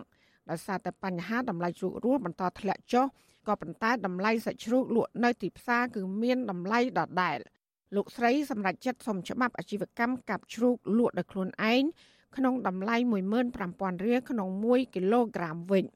លោកស្រីថាតម្លៃជ្រូករស់សប្តាហ៍ថ្ងៃឈ្មួញទិញក្នុងតម្លៃជាង7000រៀលទៅ8000រៀលក្នុង1គីឡូក្រាមប៉ុន្តែឈ្មួញមិនចាប់ភ្លាមភ្លាមនោះឡើយដោយទុក10ថ្ងៃសិនទើបចាប់ដែលធ្វើឲ្យប៉ះពាល់ដល់ការចំណាយដាក់ចំណី ចាបើសិនជាតម្លៃជ្រូកនៅតែធ្លាក់ចឹងទៀតទេវាប៉ះពាល់ធ្ងន់ណាស់លោកគ្រូពួកអីខ្ញុំដូចខ្ញុំជាដើមគឺខ្ញុំខ្ចីលុយធនាគារមកបង្កើតមុខរបរថ្មីទាំងអស់និយាយទៅវាប៉ះពាល់ធ្ងន់ទៅហើយលោកគ្រូនិយាយទៅនិយាយមិនចេញនិយាយទៅចង់តែទឹកភ្នែកអួតអំកនោះលោកគ្រូប៉ះពាល់ធ្ងន់មែនតើមានរួមចំណៃថ្លៃបន្ទុកថ្លៃស្រូវអង្គថោកហើយយើងធ្វើមិនចេញនៅតែខាតរហូតវាប៉ះពាល់ខាងសេដ្ឋកិច្ចនិងខាងអ្នកចិញ្ចឹមជ្រូកខ្លាំងមែនតើទៅហើយនិយាយរួមថោកតែជ្រូកកសិករលោកគ្រូជ្រូកក្រុមហ៊ុនទោះគាត់ថោកគាត់មានកងប្រាគាត់ចោះគាត់តែត្រឹមតែប៉ុណ្ណឹងទោះចោះប៉ុណ្ណាក៏គាត់នៅតែប៉ុណ្ណឹងស្រដៀងគ្នានេះដែរកសិករចិញ្ចឹមជ្រូកនៅខេត្តបៃលិន លោកមាសកុលលើកឡើងថាតម្លៃជ្រូកចុះថោកខ្លាំងក៏ប៉ុន្តែតម្លៃចំណីនៅតែខ្ពស់ដដែលហើយមិនអាចលក់ចេញបានប្រាក់ចំណេញនោះឡើយលោកថាលោកក៏បានទៅសុំច្បាប់ដើម្បីកាប់ជ្រូកលក់ខ្លួនឯងពីព្រោះលោកខាត់បង់ច្រើនពេកដែលមិនអាចដោះស្រាយជីវភាព និងសងប្រាក់ជំពាក់ធនាគារបានឡើយ។ កាប់ខ្លួនឯងដោយសារតម្លៃជ្រូកវាថោកអញ្ចឹងណាយើងទូទាត់នឹងចំណីទៅវាអត់ស្មើភាពគ្នាអេអានេះបើយើងកាប់លក់អញ្ចឹងយើងរបស់ខ្លួនយើងដាក់ធូរជាងគេបើសន្តិកាប់យើងចំណេញដែរយើងមិនខាតទេយើងចំណេញចំណេញជាងលក់សាច់ឲ្យគេស្រស់ស្រស់លក់សាច់ស្រស់វគ្គនេះវាតម្លៃយើងថោកបើមុនតម្លៃតែ10000 10000ជាងហើយអាហ្នឹងយើងមើលទុលយៈភាពនឹងចំណីយើងមើលទៅវាអាចទប់ទល់គ្នាបានប៉ុន្តែដល់ឥឡូវតម្លៃប៉ុណ្ណេះវាពិបាកទប់នឹងចំណីចំណីថ្លៃកសិករចិញ្ចឹមជ្រូកម្នាក់ទៀតនៅខេត្តកំពង់ឆ្នាំងថ្លែងថាកសិករចិញ្ចឹមជ្រូកនៅតែបន្តខាត់បងទោះបីតំបន់មួយចំនួនឡើងថ្លៃបន្តិចបន្តួចក៏ដោយលោកបន្តថាបញ្ហានាំចូលសាច់ជ្រូកកកពីប្រទេសជិតខាង គឺប៉ះពាល់តម្លៃសាច់ជ្រូកនៅក្នុងស្រុកធ្លាក់ថ្លៃពីព្រោះសាច់ជ្រូកដែលនាំចូលតម្លៃថោកជាងសាច់ជ្រូកក្នុងស្រុកអឺលោកប្អូននេះលែងនិយាយចេញខាតលក់បាន1គីឡូ7000ទេ ច្រកចេញរបៀបនេះគឺដែលជាវិធីសាស្ត្រមួយដ៏ល្អបំផុតសម្រាប់អ្នកចិញ្ចឹមឲ្យកាប់លក់ខ្លួនឯងអញ្ចឹងណាខ្ញុំគិតថាចេះទេគិតថាចាំមើលដល់ពេលវេលាដែលជ្រូកហ្នឹងវាមើលតែខែ3ទេជ្រូកអត់ឡើងថ្លៃទេលក់មេលក់អីចោលទាំងអស់ហើយអត់ទុកទេខ្ញុំយល់ថាទី1គឺក្លាសេដែលនាំចូលពីបរទេសមកហ្នឹងណានឹងជាបញ្ហាទី1បាទបញ្ហាទី2ដូចជាឈ្មោះកណ្ដាលនៅក្នុងស្រុកហ្នឹងមិនព្រមតម្លើងថ្លៃឲ្យតែម្ដងឬក៏អាចថាក្រុមហ៊ុនធំធំដែលជាក្រុមហ៊ុនធំនៅក្នុងស្រុកខ្មែរហ្នឹងគេប្រកួតប្រជែងក្នុងការលក់វត្ថុអសីស្រីមិនអាចតកតងแนะនាំពាក្យក្រសួងកសិកម្មកញ្ញាអឹមរចនាបានទេដើម្បីសុំអធិប្បាយជំវិញបញ្ហានេះកាលពីថ្ងៃទី3ខែមករាប៉ុន្តែកាលពីថ្ងៃទី26ខែធ្នូលោកនាយករដ្ឋមន្ត្រីហ៊ុនសែនលើកឡើងថាតម្លៃជ្រូកថោកគឺជារឿងប្រសើរសម្រាប់បរិវត្តដែលជាអ្នកបរិភោគប៉ុន្តែมันអាចតម្រូវចិត្តអ្នកចិញ្ចឹមជ្រូកជាង10000គ្រួសារបានឡើយ។ ប៉ុន្តែអ្នកទទួលទានសាច់ជ្រូកទៅវិញគឺចង់ឲ្យសាច់ជ្រូកថោកអ្នកចិញ្ចឹមជ្រូកចង់ឲ្យសាច់ជ្រូកវាថ្លៃមកខាង10000គ្រួសារទៀមទាឲ្យរដ្ឋាភិបាលធ្វើយ៉ាងម៉េចឲ្យតម្លៃសាច់ជ្រូកនឹងវាឡើងថ្លៃដើម្បីការចិញ្ចឹមនឹងមានផលចំណេញក្នុងពេលដែលប្រមាណលានគ្រួសារអត់ចិញ្ចឹមជ្រូកត្រូវទិញសាច់ជ្រូកចង់ឲ្យសាច់ជ្រូកនោះវាថោក កសិករយល់ឃើញថាមន្ត្រីរបស់លោកហ៊ុនសែនបានរាយការណ៍កុហកពាក់ព័ន្ធនឹងករណីតម្លៃជ្រូកចុះថោកដោយសារតែកសិករប្រឈមតម្លៃជាមួយឈ្មួញទទួលទិញជ្រូកមិនមែនបញ្ហាតម្លៃជាមួយអ្នកបរិភោគនោះឡើយពួកគាត់រិះគន់ស្ថាប័នពាក់ព័ន្ធថាអសមត្ថភាពក្នុងការត្រួតពិនិត្យនិងទប់ស្កាត់សាច់ជ្រូកកកដែលខូចគុណភាព ហើយហូរចូលទៅទីផ្សារដែលធ្វើឲ្យប៉ះពាល់ដល់អ្នកចិញ្ចឹមជ្រូក ជុំវិញរឿងនេះនាយករងនៃអង្គការបរដ្ឋយើងនិងជាអ្នកជំនាញកសិកម្មលោកនីណាក់មានប្រសាសន៍ថាលោកសាទរចំពោះការដោះស្រាយបញ្ហាដោយខ្លួនឯងតាក់ទងនឹងបញ្ហាតម្លៃជ្រូកចុះថោក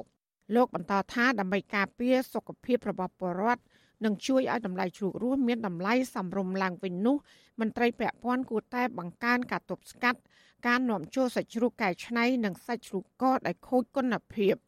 យើងបន្តគ្រប់គ្រងឲ្យគាត់ធ្វើការសុំច្បាប់អនុញ្ញាតពីអាជ្ញាធរពាក់ព័ន្ធជាពិសេសខាងក្រសួងកសិកម្មដើម្បីឲ្យគាត់មានសិទ្ធិដំណើរការក្នុងការកាប់ជ្រូកជាផ្លូវការយើងបារម្ភចំពោះពួកគាត់ថាថ្ងៃណាមួយអាជ្ញាធរឬក្រសួងសម័យពាក់ព័ន្ធនឹងចាត់វិធានការទៅលើពួកគាត់ដោយចោទប្រកាន់ទៅលើការចរាចរសាច់ជ្រូកខុសច្បាប់សាច់ជ្រូកគ្មានច្បាប់អនុញ្ញាតសាច់ជ្រូកមានបញ្ហាអីចឹងទៅដែលជាបទពិសោធន៍ដែលខ្ញុំធ្លាប់សហការជាមួយនឹងកសិករចិញ្ចឹមគោហើយស្នើសុំច្បាប់ក្នុងការកាប់កុងស៊ីកាប់គោគឺយើងចំណាយពេលយូរណាស់គឺនៅតែមិនទទួលបានការអនុញ្ញាតទេ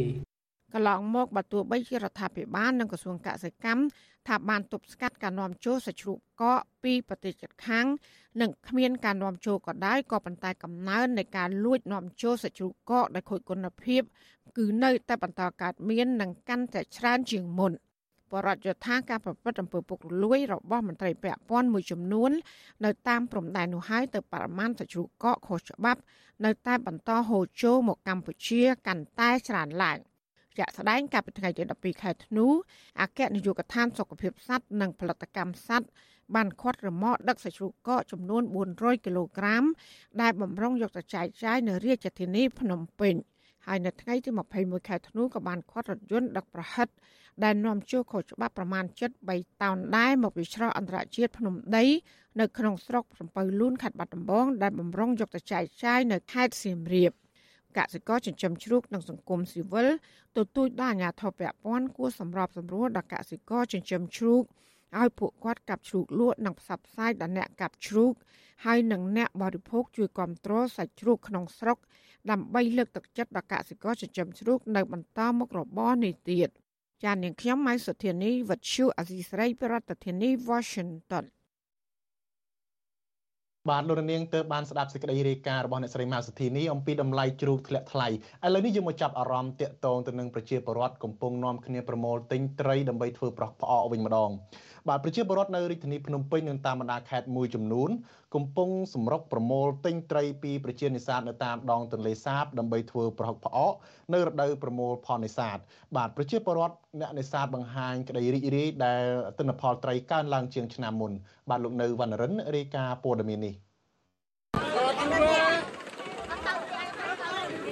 ពលរដ្ឋខ្មែររស់នៅក្នុងរាជធានីភ្នំពេញនិងខេត្តមួយចំនួន ដែលនិយមធ្វើប្រហុកផ្អកបានចាប់ផ្ដើមប្រមូលទិន្នផលត្រីតូចតូចដូចជាត្រីរៀលជាដើមពីផ្សារមួយកន្លែងជាប់មាត់ទន្លេសាបក្នុងស្រុកពញាលឺខេត្តកណ្ដាលប្រជានេសាទនិងអ្នកទិញត្រីបញ្ជាក់ប្រាប់អាស៊ីសេរីថាត្រីប្រហុកឆ្នាំនេះមានតម្លៃថោកជាងឆ្នាំមុនដោយសារតែទិន្នផលត្រីកើនឡើងទ្វេដងឆ្នាំហ្នឹងមកពីទឹកវា ធំដល់ពេលអញ្ចឹងត្រីវាសវោសវោជាងឆ្នាំមុនឆ្ងាយហើយគោតម្លៃធូរថ្លៃជាងឆ្នាំមុនលោកខនធូអ្នកនេសាទរស់នៅក្នុងឃុំកំពង់លួងស្រុកពញាលឺខេត្តកណ្ដាលថ្លែងថាមូលហេតុដែលត្រីធូរថ្លៃជាងមុនដោយសារតែត្រីសម្បូរហើយអ្នកនេសាទចាប់បានត្រីជាច្រើនតោនក្នុងមួយថ្ងៃមួយថ្ងៃ លោកបន្ថែមថាឈ្មួញកណ្ដាលតែងតែមកទិញត្រីដល់ទីតាំងផ្ទាល់នៅក្នុងស្រុកពញាលឺខេត្តកណ្ដាលដោយត្រីក្នុង1គីឡូក្រាមតម្លៃ2000រៀលធៀបទៅនឹងឆ្នាំមុនមានតម្លៃ3000រៀលយើងវាមានផលលំបាកអីទេព្រោះបងប្អូនយើងមករកត្រីច្រើនអញ្ចឹងយើងសប្បាយចិត្តត្រីអូសម្រាប់ការលក់ដូរបានលុយប្រាក់កាក់អញ្ចឹងណា យើងអត់មានអីបើថាអត់មានអ្នកមកទិញមកអីចឹងអាហ្នឹងយើងអាចមានផលលំបាកច្រើនព្រោះយើងយកពីគេមកយើងឲ្យលុយគេដល់ពេលអញ្ចឹងយើងអត់មានអ្នកមកទិញត្រីចុះមកអញ្ចឹងយើងមានផលលំបាកយើងខាតអញ្ចឹងដឹងយកទៅណាអញ្ចឹងណាយើងសុបាយចិត្តដែរពេលឃើញបងប្អូនយើងចុះមកទិញត្រីទិញអីច្រើនអញ្ចឹងសុបាយចិត្ត រដូវនេសាទត្រីដើម្បីធ្វើត្រីប្រហុកនិងផ្អកមានរយៈពេល6ថ្ងៃក្នុងពេលដែលត្រីច្រាឡើង គឺចាប់តាំងពីចុងខែធ្នូដល់ដើមខែមករាជារៀងរាល់ឆ្នាំអ្នកនេសាទថាផលត្រីឆ្នាំនេះកើនឡើងជាច្រើនដោយសារតែអាជ្ញាធររដ្ឋបន្ទឹង និងអនុវត្តច្បាប់នេសាទនិងកត្តាប្រែប្រួលកម្រិតទឹកនៅរដូវវស្សាកើនឡើងខ្ពស់ដោយអំណោយផលល្អធ្វើឲ្យត្រីបង្កកំណើតបានច្រើន បងប្អូនអ្នកស្រែយើងចង់មកត្រីវាច្រើនដែរអញ្ចឹងណាបងអាជីវករទិញត្រីពីអ្នកនេសាទក្នុងឃុំកំពង់លួង គឺលោកស្រីអាតិកាថ្លែងថានៅពេលដែលអ្នកនេសាទចាប់បានត្រីច្រើន លោកស្រីក៏អាចទិញត្រីបានច្រើនផងដែរហហើយយកទៅលក់បន្តចំណេញបានប្រាក់ច្រើនគួរសមលោកស្រីអង្កេតឃើញថាតម្លៃត្រីថោកឬថ្លៃអាស្រ័យទៅលើកំណើនផលត្រីចាប់បានរបស់ប្រជានេសាទ និយាយទៅឆ្នាំទៅក៏បានថាថែគ្នាតម្លៃឆ្នាំនេះរៀងធូរថ្លៃជាងបងបងប្អូនយើងអ្នកស្រែចុះមកទៅត្រីតម្លៃធូរថ្លៃហ្មងចំណូលបានខ្លះខ្លះដែរបងឲ្យតែយើងរោត្រីទិញត្រីគេបានគេអ្នករោបានច្រើនយើងទិញបានច្រើនយើងលក់ក៏បានកម្រៃច្រើនដែរពេលខ្លះវាបញ្ឈរលំបាកដូចថាពេលខ្លះត្រីជន់ទៅលក់អត់សូវដាច់ចឹងណា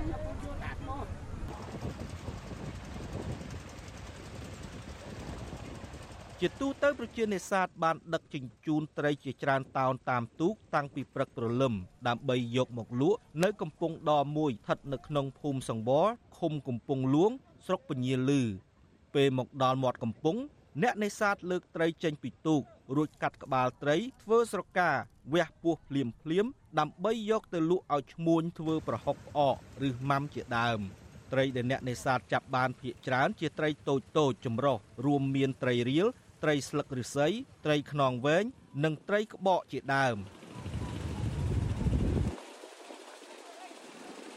ជុំវិញរឿងនេះនាយកប្រតិបត្តិអង្គការបណ្ដាញការពារទន្លេ3លោកលៀងប៊ុនលៀបពន្យល់ប្រាប់ថាដើម្បីឲ្យកំណើនត្រីកើនអាជ្ញាធរត្រូវពិនិត្យឡើងវិញនៅទីតាំងសំខាន់សំខាន់ដែលជាជំរកត្រីរស់នៅ រួមមានតំបន់ព្រៃលិចទឹក និងអន្លង់អភិរក្សហើយអាជ្ញាធរ គួរហាមឃាត់មិនឲ្យមានការបង្ហូរជាតិពុលគីមី និងឧបករណ៍នេសាទខុសច្បាប់ទៅក្នុងតំបន់នោះទេ តែកាលណាវាមានត្រីអញ្ចឹងវាបណ្ដាលឲ្យឆ្នាំក្រោយៗទៅទៀតវានឹងអស់ត្រីហ្នឹងបាទនេះគឺជាអ្វីមួយដែលយើងពិចារណាពិនិត្យមើលថាតើត្រីអស់ហ្នឹងជាត្រីដែលយើងគួរសប្បាយនឹងនឹងផលវាចាក់បានទេឬក៏ប្រភេទត្រីដែលកំពុងតែរងគ្រោះបាទនេះឯងគឺជាគំនិតមួយដែលខ្ញុំជូនទៅសម្រាប់ប្រជាកសិករយកទៅពិចារណាថាមិនមែនឲ្យតែច្រើនឆ្នាំហ្នឹងចាំក្រោយច្រើនទៀតនោះទេបាទ ពេលរដូវរំហោចធ្លាក់ខ្យល់ត្រជាក់ត្រីប្រហុកផ្អកបានផ្លាស់ទីគ្រប់តំបន់រដ្ឋបាលជលផលនៃក្រសួងកសិកម្មបានជូនដំណឹងថាក្នុងរដូវនេសាទឆ្នាំ2022-23ត្រីចាប់ផ្ដើមបំលាស់ទីចេញពីបឹងអូស្ទឹង និងព្រែកនានាចូលបឹងទន្លេសាប ទន្លេមេគង្គនិងទន្លេបាសាក់អំណោយផលដល់ការធ្វើនេសាទត្រីបានច្រើន ជាពិសេសកន្លងត្រីតាមដងទន្លេសាបស្ថិតនៅក្នុងភូមិសាស្ត្រខេត្តកណ្ដាលនិងរាជធានីភ្នំពេញក្រសួងថារដូវត្រីច្រាលឆ្នាំនេះគឺចាប់ពីថ្ងៃទី29ខែធ្នូឆ្នាំ2022ដល់ថ្ងៃទី3ខែមករាឆ្នាំ2023ប្រសិនបើករណីមេឃស្រឡះល្អខ្ញុំបាទនៅវណ្ណរិន វិទ្យុអាស៊ីសេរីពីរដ្ឋធានី Washington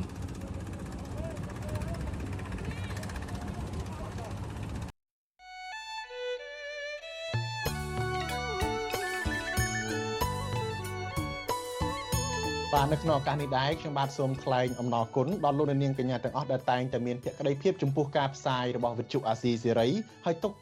ហើយចាត់ទុកការស្ដាប់វិទ្យុអាស៊ីសេរីជាផ្នែកមួយនៃសកម្មភាពប្រចាំថ្ងៃរបស់លោកនាង ការគ្រប់គ្រងរបស់លោកនាងនេះហើយដែលធ្វើឲ្យយើងខ្ញុំមានទឹកចិត្តកាន់តែមោះមុតបន្ថែមទៀតនៅក្នុងការស្វែងរកនិងផ្តល់ព័ត៌មានជូនលោកនាងមានអ្នកស្ដាប់អ្នកទេសនាកាន់តែច្រើនកាន់តែធ្វើឲ្យយើងស្វាហាប់ជាងមុនក្នុងការស្វែងរកព័ត៌មានជូនលោកនាងសូមលោកនាងជួយពួកយើងវិញដោយគ្រាន់តែចុចចែករំលែកឬក៏ share ព័ត៌មានទៅកាន់មិត្តភ័ក្តិនៅតាមបណ្ដាញសង្គម Facebook និង YouTube ដើម្បីឲ្យការផ្សាយរបស់យើងបានទៅដល់មនុស្សកាន់តែច្រើនថែមទៀត។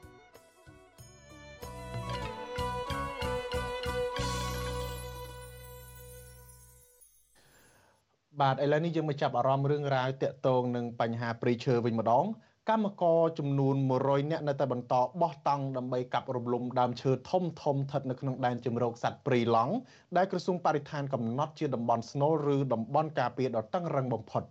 ប្រជាសហគមន៍ព្រៃឡង់ប្រមាណ10នាក់បានឆ្មក់លបកាប់ល្បាតជាថ្មីទៀតរកឃើញដើមឈើផលិតជាប់ទឹកអឺ បន្សល់ចុងក្រោយដែលនៅតែទទួលរងការកាប់ផ្ដួលពង្រាយពេញព្រៃឡង់រួចដឹកចូលការដ្ឋានក្រុមហ៊ុនឯកជនមួយដែលមានទីតាំងស្តុកឈើខ្នាតធំជាប់ព្រៃឡង់ក្នុងស្រុករវៀងខេត្តព្រះវិហារបាទលោកជីវិតារាយការណ៍ព័ត៌មាននេះក្រុមហ៊ុន Macro Logistics ដែលបើកការដ្ឋានអាឈើទ្រង់ទ្រាយធំស្ថិតក្នុងបរិវេណក្រុមហ៊ុនវៀតណាម PNT នៅតែមមាញឹកបញ្ជូនកម្លាំងកម្មកររាប់រយនាក់ប្រដាប់ដោយរណាយន្តវិទ្យុតាក់ទង និងគោយន្តរាប់សិបគ្រឿងចូលព្រៃឡង់អាចឈើលក់ឲ្យខ្លួនកាន់តែខ្លាំងឡើង នៅក្នុងរយៈពេល2ខែចុងក្រោយនេះការលើកឡើងនេះធ្វើឡើងក្រោយពីសកម្មជនការពារបរិស្ថាន និងប្រជាសហគមន៍10នាក់បានលបចុះល្បាតព្រៃឡង់រយៈពេល3ថ្ងៃ2យប់កាលពីចុងខែធ្នូដោយរកឃើញផុសតាងជាច្រើន បង្ហាញពីអកតកម្មព្រៃឈើទ្រង់ទ្រាយធំ បន្តកើតមានយ៉ាងកកកក្រែង ក្រុមល្បាតប្រជាសហគមន៍រកឃើញឈើមូលធំធំមានតម្លៃដូចជាប្រភេទឆ្លិចឈើទាលកគី និងសុក្រំជាដើមត្រូវកម្មករក្រុមហ៊ុន Marker Logistics សម្រុកកាប់ផ្ដួលរំលំរួចជាជ្រុងជ្រុងហើយដឹកចូលការដ្ឋានក្រុមហ៊ុនក្រុមស្នូលការពីប្រៃឡង់ខេត្តប្រវៀហាលោកខេមសុខីប្រាប់វិទ្យុអាស៊ីសេរីនៅថ្ងៃទី4មករាថា ដើមឈើផលិតជ័រទឹកឬហៅម្យ៉ាងទៀតថាដើមឈើទាល ដែលអ្នកស្រុកដុតយកជ័រទឹកលក់បន្តទទួលរងការកាប់បំផ្លាញកាន់តែខ្លាំងនៅសល់តែគុលក្នុងរយៈពេល2ខែចុងក្រោយនេះ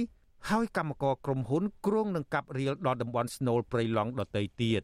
លោកបន្ថែមថា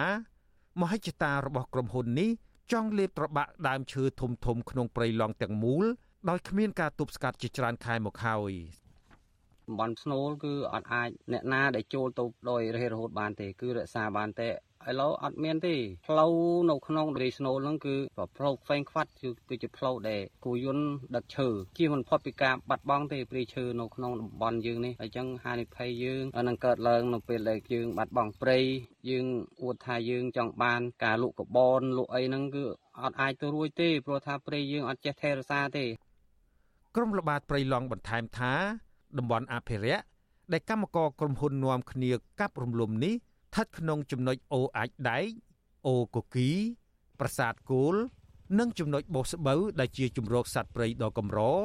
និងជាតំបន់ដែលអ្នកភូមិរកអនុផលព្រៃឈើកំពុងប្រឈមការបាត់បង់ទាំងស្រុង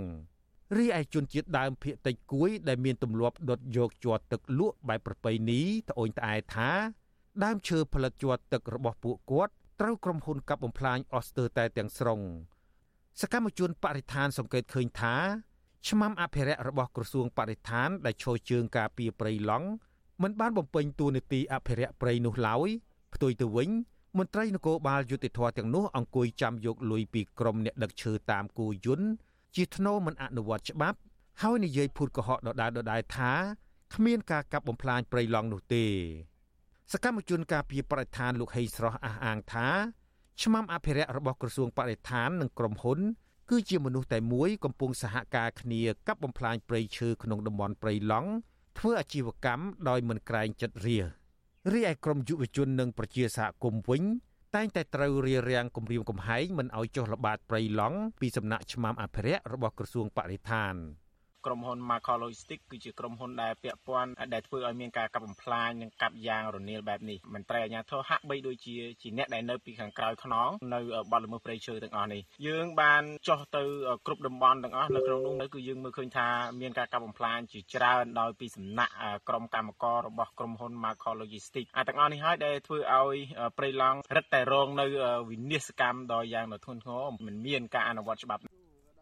វិទ្យុអាស៊ីសេរីនៅមិនទាន់អាចតាក់ទងសុំការបំភ្លឺរឿងនេះពីអ្នកនាំពាក្យក្រសួងបរិស្ថានលោកនេតភក្ត្រានិងអ្នកនាំពាក្យគណៈកម្មាធិការជាតិទប់ស្កាត់នឹងការបង្ក្រាបបទល្មើសធនធានធម្មជាតិលោកអេងហ៊ីបាននៅឡើយទេ នៅថ្ងៃទី4មករាចំណែកអ្នកនាំពាក្យក្រសួងបរិស្ថានកញ្ញាអឹមរចនាក៏វិទ្យុអាស៊ីសេរីមិនទាន់អាចតាក់ទងបានដែរប៉ុន្តែតំណាងក្រុមហ៊ុន Macro Logistics ធ្លាប់ប្រាប់វិទ្យុអាស៊ីសេរីតាមទូរស័ព្ទដោយមិនប្រាប់ឈ្មោះថា លោកមិនអាចប្រាប់រឿងនេះតាមទូរស័ព្ទបានទេ លោកថាបើចង់ដឹងលម្អិតឲ្យតាក់ទងការិយាល័យក្រុមហ៊ុននៅរាជធានីភ្នំពេញជុំវិញរឿងនេះមន្ត្រីសម្របសម្រួលសមាគមអាត6ខេត្តព្រះវិហារលោកឡាវច័ន្ទមើលឃើញថាប្រៃឡង់នឹងវិនិច្ឆ័យហិនហោយអស់ទាំងស្រុងប្រសិនបើរដ្ឋាភិបាលនៅតែបណ្ដោយឲ្យក្រុមហ៊ុនឯកជនកាប់ឈើបន្តទៀត។ រាជរដ្ឋាភិបាលគួរណាមានវិធានការទៅនឹងមន្ត្រីណាដែលមានការខុបខិតក៏ដូចជាមានការសំគំនិតជាមួយបរិបទទាំងអស់ហ្នឹងពីព្រោះតាមការសង្កេតរបស់ខ្ញុំឃើញថាបើសិនជាមិនមានការខុបខិតពីមន្ត្រីមួយចំនួនទេ គឺបទល្មើសទាំងអស់ហ្នឹងក៏មិនហ៊ានកើតឡើងកុសកបែបនេះដែរកាលពីចុងឆ្នាំ2020អតីតរដ្ឋមន្ត្រីក្រសួងកសិកម្មលោកវែងសខុនបានអនុញ្ញាតឲ្យក្រុមហ៊ុន Macro Logistics បង់ថ្លៃសួយសារនិងបុព្វលាភជូនរដ្ឋជាថ្នូរនឹងប្រមូលឈើក្នុងតំបន់2អនុតំបន់3និងអនុតំបន់4ស្ថិតក្នុងបរិវេណដីសម្បត្តិសេដ្ឋកិច្ចរបស់ក្រុមហ៊ុនវៀតណាម PNT ប៉ុន្តែប្រជាសហគមន៍រកឃើញថា ក្រុមហ៊ុននេះបានបញ្ជូនកម្មកររាប់រយនាក់ចូលកាប់ឈើហួសពីអ្វីដែលក្រសួងបានអនុញ្ញាតលើសពីនេះកម្មករក្រុមហ៊ុនបានចូលក្នុងដែនជម្រកសត្វព្រៃឡង់ក្នុងស្រុករវៀង ដើម្បីកាប់ឈើទ្រង់ទ្រាយធំជាង2ឆ្នាំមកហើយដោយខុបខិតគ្នាជាមួយក្រុមហ៊ុនវៀតណាម PNT និងមន្ត្រីជំនាញមួយចំនួន ក្រៅពីនេះក្រុមហ៊ុនមានម៉ាស៊ីនអាចជ្រៀកឈើខ្នាតធំ4គ្រឿងស្ថិតក្នុងស្រុករវៀងជាប់ព្រៃឡង់ខេត្តព្រះវិហារខ្ញុំជីវិតាអាស៊ីសេរី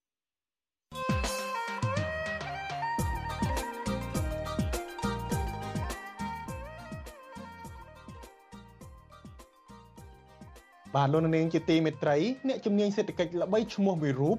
បានសម្រេចចិត្តចូលរួមជាមួយនឹងគណៈបកភ្លើងទៀនលោកបណ្ឌិតសុកហាជដែលជាប្រធានក្រុមហ៊ុននាំចេញអង្គរ Golden Rai អះអាងថាលោកបានសម្រេចចិត្តចូលរួមធ្វើនយោបាយជាមួយនឹងគណៈបកភ្លើងទៀននៅពេលនេះដោយលោកសម្លឹងឃើញថាគណៈបកនេះជាគណៈបកដែលអាចនឹងទទួលបានជ័យជំនះលើការបោះឆ្នោតខាងមុខហើយនឹងមានឱកាសដឹកនាំរដ្ឋាភិបាលនៅថ្ងៃខាងមុខ បាទសូមអញ្ជើញលោកនាងរងចាំស្ដាប់នឹងទេសនាបទសម្ភាសជាមួយនឹងលោកបណ្ឌិតសុកហាជតកតងនឹងកត្តាសំខាន់សំខាន់មួយចំនួនរបស់លោកក្នុងការសម្រេចចិត្តចូលរួមជាមួយនឹងគណៈបកភ្លើងទៀនបាទលោកជុនច័ន្ទបុតនិងសម្របសម្រួលវេទិកាអ្នកស្ដាប់វិទ្យុអាស៊ីសេរីសម្រាប់រាត្រីថ្ងៃសុក្រនៅថ្ងៃទី6មករាបាទលោកនាងអាចសួរវិក្កាមិនរបស់យើងឬក៏បញ្ចេញមតិយោបល់សូមដាក់លេខទូរស័ព្ទរបស់លោកនាងនៅក្នុងខ្ទង់ comment របស់ Facebook និង YouTube របស់វិទ្យុអាស៊ីសេរីក្រុមការងាររបស់យើងនឹងតាក់ទងទៅលោកនាងវិញសូមអរគុណ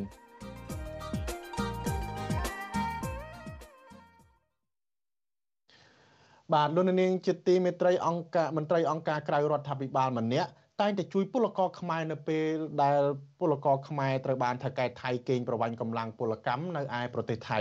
ពលករខ្មែរដែលធ្វើការនៅឯប្រទេសថៃនោះ បានរាប់អានស្រឡាញ់រូបលោកព្រោះលោកជាជនសាមញ្ញនិងតែងតែជួយដល់ពួកគេនៅពេលដែលត្រូវការតើមន្ត្រីសង្គមស៊ីវិលរូបនោះជានរណាហើយធ្វើការងារអ្វីខ្លះក្នុងការជួយដល់ពលករខ្មែរចំណាក់ស្រុកបាទលោកទីនសការីយ៉ារាយការណ៍ព័ត៌មាននេះលោកលឹងសុផុនគឺជាបុគ្គលិករបស់អង្គការសង្ត្រលធ្វើការផ្នែកការពារសិទ្ធិជនពលករចំណាក់ស្រុកនៅប្រទេសថៃនៅពេលពលករខ្មែរត្រូវថកែថៃរំលោភបំពានសិទ្ធិការងារដូចជាប្រើឲ្យធ្វើការលើសកម្លាំងប្រះហិង្សាលើរាងកាយ និងមិនបើកប្រាក់ខែជូនជាដើមមន្ត្រីគម្រោងនៃមជ្ឈមណ្ឌលសម្ព័ន្ធភាពការងារនិងសិទ្ធិមនុស្សឬហៅកាត់ថាអង្គការសន្ត្រលប្រចាំនៅប្រទេសថៃលោកលឹងសុផុនប្រាប់វិទ្យុអសិរ័យថាលោកឃើញការលំបាករបស់ពលករខ្មែរនៅប្រទេសថៃនៅពេលពួកគេរកការងារធ្វើពិបាកតំណែងតំណងជាមួយជនជាតិថៃទើបធ្វើឲ្យលោកចង់ជួយពលករទាំងនោះហើយលោកក៏សម្រេចចូលធ្វើការនៅក្នុងស្ថាប័នអង្គការសង្គមស៊ីវិលនេះតែម្ដង លោកបន្តថាលោកចង់ជួយពលករទាំងនេះពីព្រោះពលករខ្លះត្រូវមេខ្យល់បញ្ចុះបញ្ចូលនាំមកទុកចោលនៅប្រទេសថៃមិនរកការងារឲ្យពួកគេធ្វើនិងទាមទារសិទ្ធិសេរីភាពជូនពលករនៅកន្លែងការងារជាដើម។ យើងមកធ្វើការនៅស្រុកថៃយើងអត់ទាន់ដឹងទម្លាប់អត់ទាន់ដឹងច្បាប់អត់ទាន់ដឹងថាតើច្បាប់ការងារនៅថៃយ៉ាងម៉េចយ៉ាងម៉េចចឹងទៅហើយភាគច្រើនបងប្អូនពលករគាត់អត់យល់អំពីការដែលគាត់ទទួលបានពីអត្ថប្រយោជន៍ផ្សេងផ្សេងដូចជាដែលគាត់ធ្វើការទៅហើយគាត់មិនដឹងថាតើមានផលប្រយោជន៍អីខ្លះនៅពេលដែលពួកគាត់ធ្វើការនៅតាមរោងចក្រនីមួយៗអញ្ចឹងណាបាទហើយតាកតងនឹងសន្តិសុខសង្គមនៅផងដែរហើយតើតើធ្វើម៉េចដែលឲ្យពួកគាត់នឹងទទួលបានហើយសន្តិសុខសង្គមដើម្បីឲ្យពួកគាត់ទៅពេទ្យទៅអីហ្នឹងមិនបាច់ចំណាយលុយអីចឹងណាលោកលឹងសុផុនតែជួយសម្របសម្រួលជូនពលករខ្មែររកការងារឲ្យធ្វើបានពន្យល់ពលករអំពីវិបត្តិការងារខុសច្បាប់នៅប្រទេសថៃអត្ថប្រយោជន៍ការងារនិងពន្យល់ពីរបៀបប្តឹងពេលធ្វើការរំលោភបំពានជាដើមលោកធ្វើការផ្នែកការពារសិទ្ធិពលករនេះជិត10ឆ្នាំមកហើយហើយពេលខ្លះលោកក៏ត្រូវប្រឈមជាមួយមន្ត្រីស្ថានទូតកម្ពុជាដែរដោយមន្ត្រីទាំងនោះមិនពេញចិត្ត និងរារាំងការងារលោកជាដើមពលករខ្មែរធ្វើការសំណងម្នាក់ដែលលោកលឹងសុផុនធ្លាប់បានជួយអន្តរាគមន៍រឿងថកែមិនបាក់ប្រាក់ឈ្នួលជូននៅខេត្តឈុនបុរីលោកខាន់សារ៉ាឲ្យដឹងថាលោកលឹងសុផុនជាមនុស្សល្អព្រោះលោកតែងតែដឹកនាំក្រុមការងារចុះទៅដល់តំបន់ពលករដែលត្រូវថកែរំលោភបំពានការងារហើយរកដំណោះស្រាយឲ្យថកែបាក់ប្រាក់ឈ្នួលជូនកម្មករឲ្យបានត្រឹមត្រូវឡើងវិញ គាត់មិនអីគាត់ថាគាត់និយាយមកមិនអីគាត់គាត់ចោះជួយគាត់ចោះជួយតែតែបើយើងលទ្ធភាពយើងបានប៉ុណ្ណឹងជិលវិញឆ្ងាយបើថាមានទុតិយអីទេតែគាត់គាត់នេះគាត់ត្រូវការងារធ្វើបានដែរតែថាយើងតែបោកតែអីយើងមានការងារធ្វើអញ្ចឹងគាត់ឲ្យទៅមើលកន្លែងការងារកន្លែងនោះដែរតែខ្ញុំមិនបានទៅខ្ញុំឥឡូវជួបការងារមួយកន្លែងទៀតដូចគ្នាដែរពលករម្នាក់ទៀតដែលធ្វើការសំណងដែរនោះកំពុងធ្វើការនៅទីក្រុងបាងកកលោកប្រាក់នឿនថ្លែងដែរថាថកែថៃបានបោកប្រាស់ពលករខ្មែរជា10នាក់ ដោយប្រើឲ្យធ្វើការមិនបាក់ប្រាក់ខែជូនប្រមាណជា200,000បាតស្មើនឹងជិត5000ដុល្លារលោកបន្តថាលោកលឹងសុផុននិងក្រុមការងារបានទៅសម្របសម្រួលជាមួយថកែថៃនោះហើយថកែសន្យានឹងបើកប្រាក់ឲ្យកម្មករគ្រប់ចំនួន។ បើនិយាយចំទៅគឺមនុស្សវាប្រុងបោកយើងប្រហើយបងតាមមើលចរិតបើមិនជាតកែគេមិនមិនមិនបោកយើងគេមិនទោះយ៉ាងណាលុយគេម្នាក់ម្នាក់ច្រើនណាស់មិនមានវាមានការកំណត់របស់វាថ្ងៃទី10ថ្ងៃទី20ត្រូវចេញយ៉ាងខ្លាំងណាស់បើមិនជាមិនបានលុយនឹងយើងអត់ទាន់ទេយើងក៏វិលចាយគេខ្លះដែរមែនទេបងតែអានេះវាអត់មានការខុសត្រូវថាលុយនឹងចេញឬមិនចេញប្រាប់យើងថ្ងៃនេះអត់ប្រកាសអត់មានទេវាអត់មាននោះវាឆ្ងាត់ឈឹងប្រហើយបងលោកលឹងសុផុនរៀបរាប់ថាកាលពីនៅកុមារភាព លោកអង្គុយរៀននៅក្រោមដើមឈើជាមួយគ្រូវ័យចំណាស់ចំណាស់នៅក្នុងភូមិព្រោះតែគ្មានសាលារៀនលុះដល់អាយុ14ឆ្នាំលោកក៏បានបួសជាសាមណេរក្រោមដើមពោធិ៍ដែលជាស្រុកកំណើតរបស់លោក ហើយលោកបួសបាន20វស្សាឪពុករបស់លោកស្លាប់ចោលតាំងពីលោកនៅតូចដោយជីវភាពក្រលំបាកម្ដាយក៏នាំមករស់នៅជាមួយជីដូនលោកកើតនៅក្នុងគ្រួសារកសិករមួយនៅភូមិទីពោឃុំទីពោស្រុកសន្ទុកខេត្តកំពង់ធំ មានបងប្អូន4នាក់ លោកជាកូនទី2លោកបានបញ្ចប់បរិញ្ញាបត្រផ្នែកទស្សនវិជ្ជាព្រះពុទ្ធសាសនា នៅមហាវិទ្យាល័យจุฬាលង្កនរាជវិទ្យាល័យនៅខេត្តឈៀងម៉ៃនិងថ្នាក់បរិញ្ញាបត្រជាន់ខ្ពស់ផ្នែកសេដ្ឋកិច្ចនៅមហាវិទ្យាល័យស្យាមនៅទីក្រុងបាងកកលោកលឹមសុផុនបញ្ជាក់ទៀតថាលោកក៏ធ្លាប់រងការគំរាមកំហែងពីអ្នកមានអំណាចដែលលោកសឹមមិនបញ្ចេញឈ្មោះ។ បញ្ហាប្រឈមផ្សេងផ្សេងពីកន្លែងដតីផ្សេងទៀតក៏មានដែរតែខ្ញុំក៏មិនមិននិយាយថាអឺធ្វើការចេះស្រួលស្រួលទេបើនៅកន្លែងខ្លះនេះយើងធ្វើការទៅគេហាមប្រានគេហាមឃាត់ការនិយាយស្ដីអីចឹងទៅពេលកន្លែងខ្លះទៅគេមិនអោយទៅជួបអីចឹងណាបាទប៉ះពាល់ដល់ពលករផ្សេងទៀតឬក៏ប៉ះពាល់អ្នកដឹកនាំគេអីចឹងទៅកន្លែងអ្នកបកប្រែខ្លះបាទគេមិនអោយយើងទៅជួបបងប្អូនពលករខ្លះតែប៉ះពាល់ផលប្រយោជន៍គេអីចឹងណា វិទ្យុអសិរ័យមិនអាចតតងសំការអធិប្បាយជំវិញនឹងបញ្ហានេះពីស្ថានទូតកម្ពុជានៅប្រទេសថៃដើម្បីសំសួរអំពីរឿងនេះលំអិតបានទេកាលពីថ្ងៃទី3មករាជំវិញនឹងរឿងនេះដែរ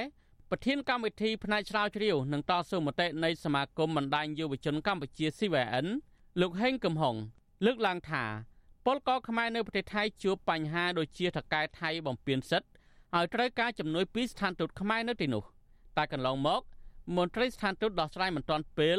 ធ្វើឲ្យបាត់ទំនុកចិត្តពីបរដ្ឋខ្មែរ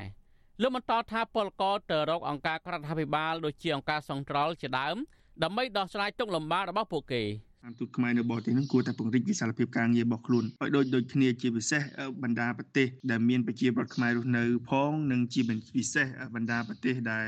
មានប្រជាប្រដ្ឋខ្មែរកំពុងតែធ្វើជាពលករផងបាទដើម្បីងាយស្រួលឲ្យពួកគេទទួលរកសេវាខ្ញុំយល់ថាទោះបីជាអង្គការសង្គមស៊ីវិលក៏មិនអាចនៅគ្របដណ្ដប់ទៅលើប្រទេសទាំងអស់ហ្នឹងដែរគឺមានតែស្ថានទូតខ្លួនឯងហ្នឹងទេដែលអាចមានលទ្ធភាពផ្ដល់ឲ្យពលរដ្ឋងាយស្រួលក្នុងការពឹងពាក់បាទ លោកលឹងសុផុនតែងតែជួយសម្រាប់សម្រួលដល់ពលករខ្មែរទទួលនូវសិទ្ធិការងារដើម្បីជៀសផុតពីការរំលោភបំពានពីថកែនិងមានសុវត្ថិភាពនិងធ្វើការស្របច្បាប់នៅប្រទេសថៃ